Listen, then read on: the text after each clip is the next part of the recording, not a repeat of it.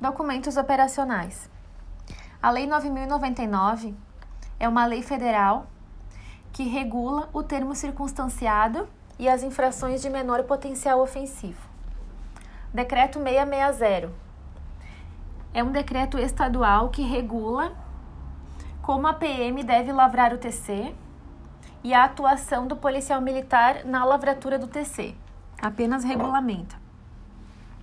Portaria 85 de 2019. Assinado pelo secretário de Segurança Pública e pelo governador.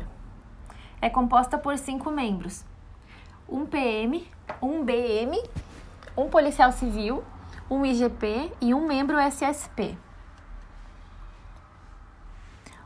A Portaria 85 cria o Integra, antigo CISP, que faz a integração de, de todos os casos, de todos os boletins referente ao mesmo caso em um caso PM. Caso integra registros de todos os órgãos CEPIS. Gravame. Gravame de furto e roubo. Polícia Civil e Polícia Militar podem colocar o gravame. Através do encerramento do boletim, já fica automaticamente o gravame, mas somente a Polícia Civil pode retirar o gravame em função de possível investigação. Polícia Militar deve prosseguir o BO lavrado pela Polícia Militar ao chegar na delegacia. Polícia Militar obrigatoriamente deve encerrar o BO antes da apresentação na Polícia Civil. J17 é o Código da Polícia Militar em procedimentos na Delegacia de Polícia. BO da Polícia Civil. Tem termo de recebimento de pessoas e bens e objetos que devem ser entregues à guarnição PM, comandante, ao, ao ser prosseguido o BO, ao ser entregue o preso ou o objeto. Alteração do BO pela sessão técnica.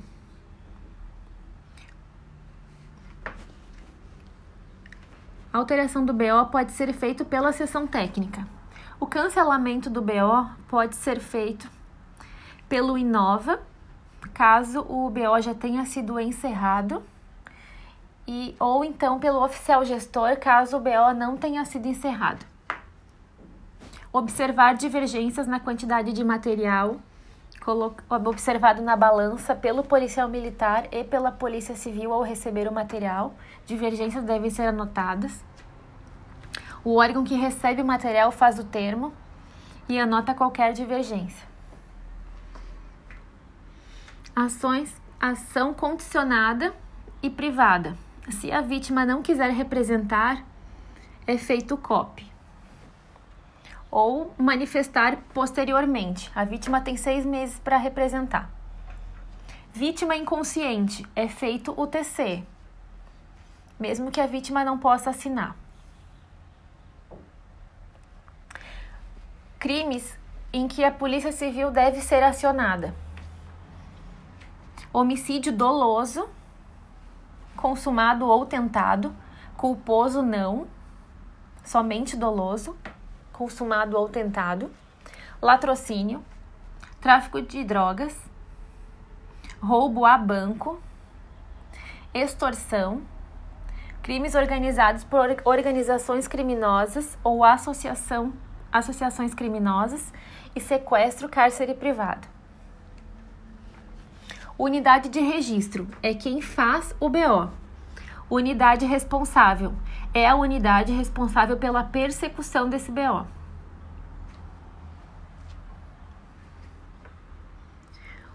O BOCOP automaticamente é enviado para a Polícia Civil.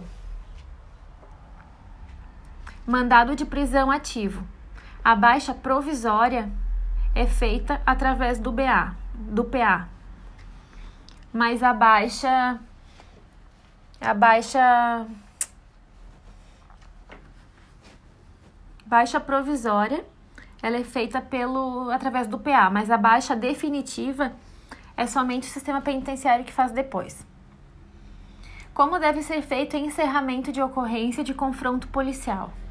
São quatro possibilidades: pessoa ferida em serviço por policial militar em serviço, pessoa ferida por policial militar fora de serviço, pessoa morta por policial militar em serviço, pessoa morta por policial militar fora de serviço. Em atividade policial, legítima defesa. Policial envolvido deve ser inserido como envolvido.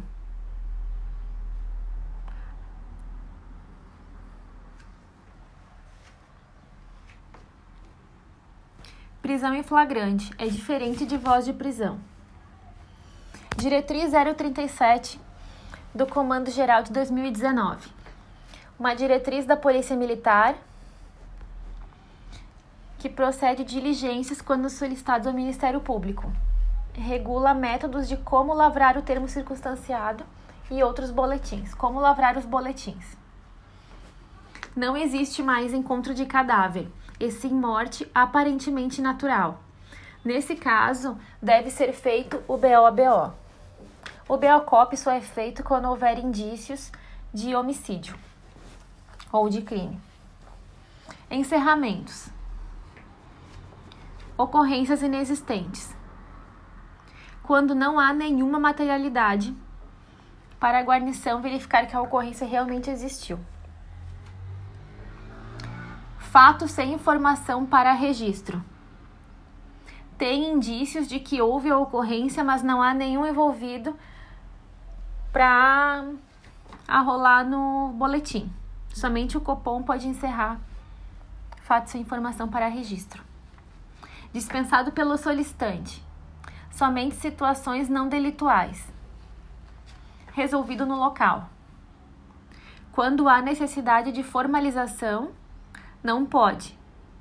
Algumas ocorrências criminais podem injúria, calúnia e perturbação do sossego. Termo de apreensão. Objeto lícito é o recibo do, do objeto com valor agregado. Não se expede em PA, somente COP, TC e NIPA. Termo de depósito emitido sempre junto com o termo de apreensão, somente para objetos lícitos que continuam em posse do autor e que não necessita de perícia. O autor fica como, fica como fiel depositário e deve ser certificado que ele não continuará a prática delitiva.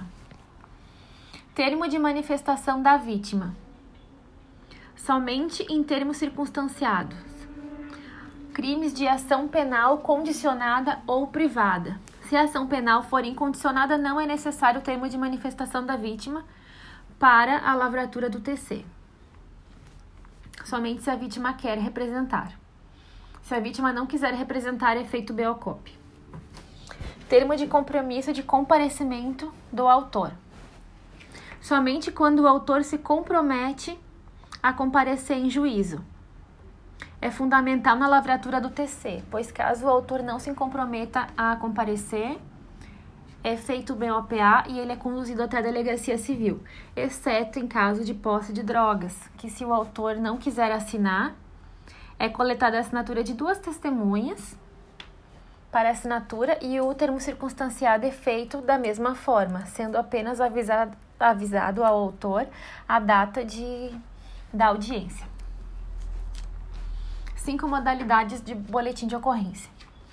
Termo circunstanciado TC, prisão, apreensão de adolescente PA, comunicação de ocorrência policial, BOCOP, boletim de ocorrência BOBO, notícia de infração penal ambiental.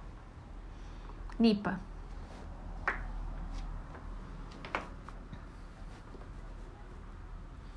Boletim de ocorrência termo circunstanciado registro e encerramento de ocorrências com menor potencial ofensivo. Pode ser lavrado o TC quando a vítima for menor de idade, somente vítima, autor não. Autor é apreendido e conduzido à delegacia quando o autor for adolescente. Mas vítima menor de idade pode ser feito o TC. Crimes com pena inferior a dois anos, inferior ou igual a dois anos. Exceções: Maria da Penha, crimes de violência doméstica, autor menor de 18 anos, vítima idoso, só cabe tecer se o crime tiver pena, pena inferior ou igual a 4 anos. Apenas crimes do Estatuto do Idoso. Crimes militares, também não é feito TC. Porém, militares podem responder TC em crimes comuns de baixo potencial ofensivo ou contravenções, desde que não esteja de serviço. Acidente de trânsito com infração de menor potencial ofensivo ou vítima inconsciente. Há exemplo de acidente de trânsito com bens materiais onde o, o autor possui drogas em sua posse, efeito TC, ou então com vítima inconsciente. Indiferente da, indiferente da gravidade do acidente de trânsito, é feito o TC para o autor. Se a vítima tiver inconsciente, é feito também o TC.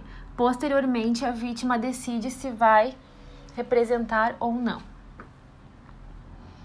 Nesse caso, é citado o acidente no termo circunstanciado.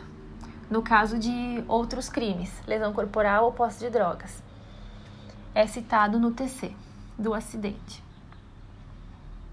Termo circunstanciado pode ser feito para crimes federais, a exemplo de crime eleitoral, que é de baixo potencial ofensivo. O idoso, quando for vítima, crimes até 4 anos, é feito TC, artigo 94 do Estatuto do Idoso. E também pode ser feito para a vítima menor de idade, no caso, o TC é feito para o autor. Violência doméstica que parece a Maria da Penha, nunca é feito TC. Prisão, apreensão, registro e encerramento de ocorrências de maior potencial ofensivo em que haja prisão em flagrante. É feito a prisão ou então a apreensão de adolescentes. Sempre que houver PA, vai haver uma condução. Documentos correlatos são expedidos apenas pela Polícia Civil, exceto em caso de mandado de prisão ativo, que é expedido a guia de lisão corporal para apresentação do preso no sistema penitenciário.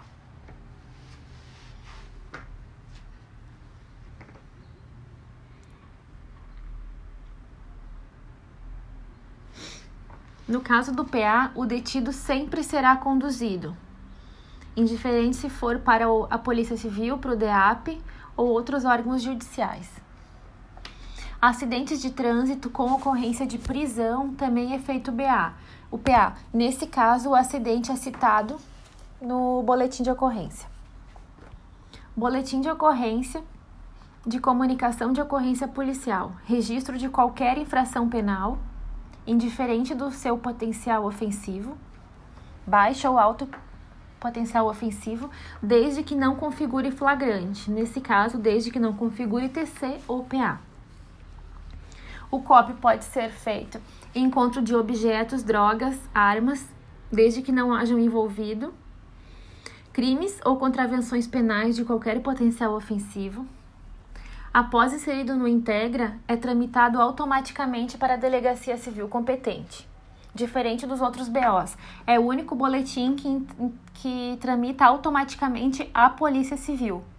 Os outros boletins, eles tramitam automático ao Integra, mas eles precisam da revisão do oficial gestor para ser tramitados ao órgão de destino. NIPA, notificação para crimes ambientais. Crimes ambientais de maior potencial ofensivo, mais de dois anos notificação de infração de polícia ambiental. O NIPA ele é remetido diretamente ao Ministério Público após lavrado. Ele é lavrado apenas pela Polícia Militar Ambiental. Exige análise técnica apurada, apreensão de objetos e fotos. Em crimes ambientais de menor potencial ofensivo, configura-se outros tipos de BO. BOBO, registro de situação, situações não delituais, acidentes de trânsito somente com danos materiais e autolesão, perda de documentos, etc. No caso de acidente de trânsito, somente danos materiais, é feito o boletim de ocorrência, BOBO, e no caso de autolesão, pode ser expedida a guia de lesão corporal para fins de DPVAT. Também pode ser lavrado para perda de documentos. Esse boletim ele não tramita automaticamente ao destino, Detran, SSP, etc. Ele é inserido no Integra automaticamente e o oficial gestor precisa revisar para depois enviar ao órgão destino. Após encerrado, deve ser enviado ao órgão responsável. Sua lavratura é impreterível, mesmo quando houver acordo entre as partes, no caso de acidente de trânsito. Também deve ser lavra lavrado em áreas privadas. Registro do BO possui três fases: persecução, análise criminal e encerramento. O BOCOP também pode ser feito em encontro e recuperação de objetos ilícitos ou suspeitos, drogas e também no caso de morte violenta. Morte aparentemente natural é feito o BOBO. O BOCOP também deve ser lavrado em caso de prerrogativa de função. Nunca pode ser feito TC nem PA, somente o COP. Prerrogativas de função deputados, senadores, governadores, presidente da República.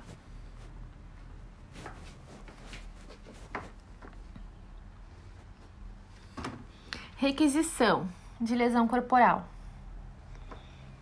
Lesão, requisição lesão corporal. Lesão corporal leve, culposa, direção de veículo automotor, cumprimento de mandado de prisão ativo. Se tiver lesão, acidente de trânsito com autolesão para fins de DPVAT. É o único documento correlato expedido em PA e em BOBO. Requisição guia de dano. Somente em crimes de dano simples, doloso, no caso de COP ou TC. As fotos no AIT não são obrigatórias, mas podem ser inseridas até duas fotos. No caso de acidente, elas são obrigatórias. Somente o AIT não são obrigatórias, mas acidente as fotos são obrigatórias. As fotos devem mostrar a placa, mas nunca mostrar o rosto das pessoas. Estas fotos tramitam, dire... tramitam direto ao Detranet junto ao AIT. No IT, como funciona a busca, as buscas do IT? As buscas de pessoas no CISP funcionam tanto online como offline, mas somente base estadual. A busca de veículos no CISP funcionam online ou offline. No entanto, se o, se o mobile estiver online, somente pode ser, pode ser buscada a pessoa na base nacional, qualquer estado. Se o mobile estiver offline, somente base estadual. Novamente falando da inserção de fotos. A inserção de fotos, ela é obrigatória quando? Em caso de abordagens e acidentes de trânsito. As fotos são obrigatórias em abordagens e acidentes de trânsito. As fotos não são obrigatórias em AITs e outros BOs em geral, desde que não exijam fotos, de acordo com a amarração. Podem ser enviados também vídeos de até um minuto e áudios de até dois minutos. Novamente no PMSC Mobile, existiam antigamente 11 formulários de papel eles não foram extintos, porém só podem ser usados com autorização, pre, pre, autorização anterior. PMC Gestão Operacional é um aplicativo usado somente para comandantes. Recebimento de ocorrências somente online. No caso do mobile estar offline, a guarnição pode iniciar a ocorrência manualmente, pegando o número do protocolo via telefone com o despachante do SAD.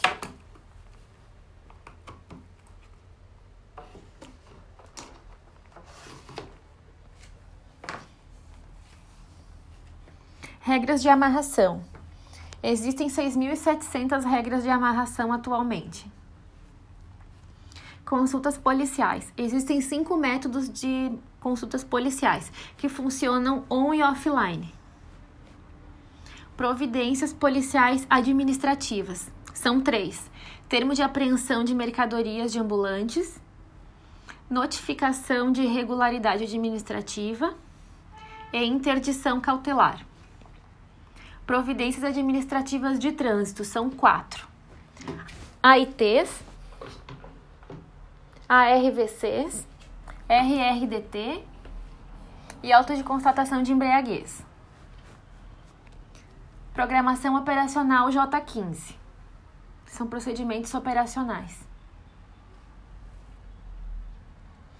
J15. Operação ou ordem de serviço. Programação operacional. Início do serviço. Devem ser observados oito passos no mobile que funcionam somente com ele online. Devem ser seguidos estes cinco passos, oito passos. CISP móvel funciona somente funciona online ou offline. É o único item de busca que funciona offline de pessoas. CISP móvel. Já o CISP web funciona somente online. Cinesp, uh, BNMP, mandados de prisão, Bike e Lince, somente online. Abordagem policial é obrigada a colocar foto. Até quatro fotos e pelo menos uma foto do rosto é obrigatória. O código para abordagem é J16. Novamente, nas providências administrativas de trânsito. Em relação ao AIT, podem ser colocadas até duas fotos, mas não é obrigatória devem ser observados 12 procedimentos para a confecção do AIT. O ARVC devem ser observados 9 procedimentos. O RRDT deve ser observados 5 procedimentos. E o ACP, auto de constatação psicomotora, 8 procedimentos. Documentos correlatos do BO. São sete documentos correlatos. Comprovante do BO, protocolo e chave termo de apreensão, somente objetos lícitos, no COP, TC e NIPA, pode ser expedido sozinho. Termo de, de depósito, somente junto ao termo de apreensão. Objeto lícito, objeto em posse do autor, que fica de fiel depositário.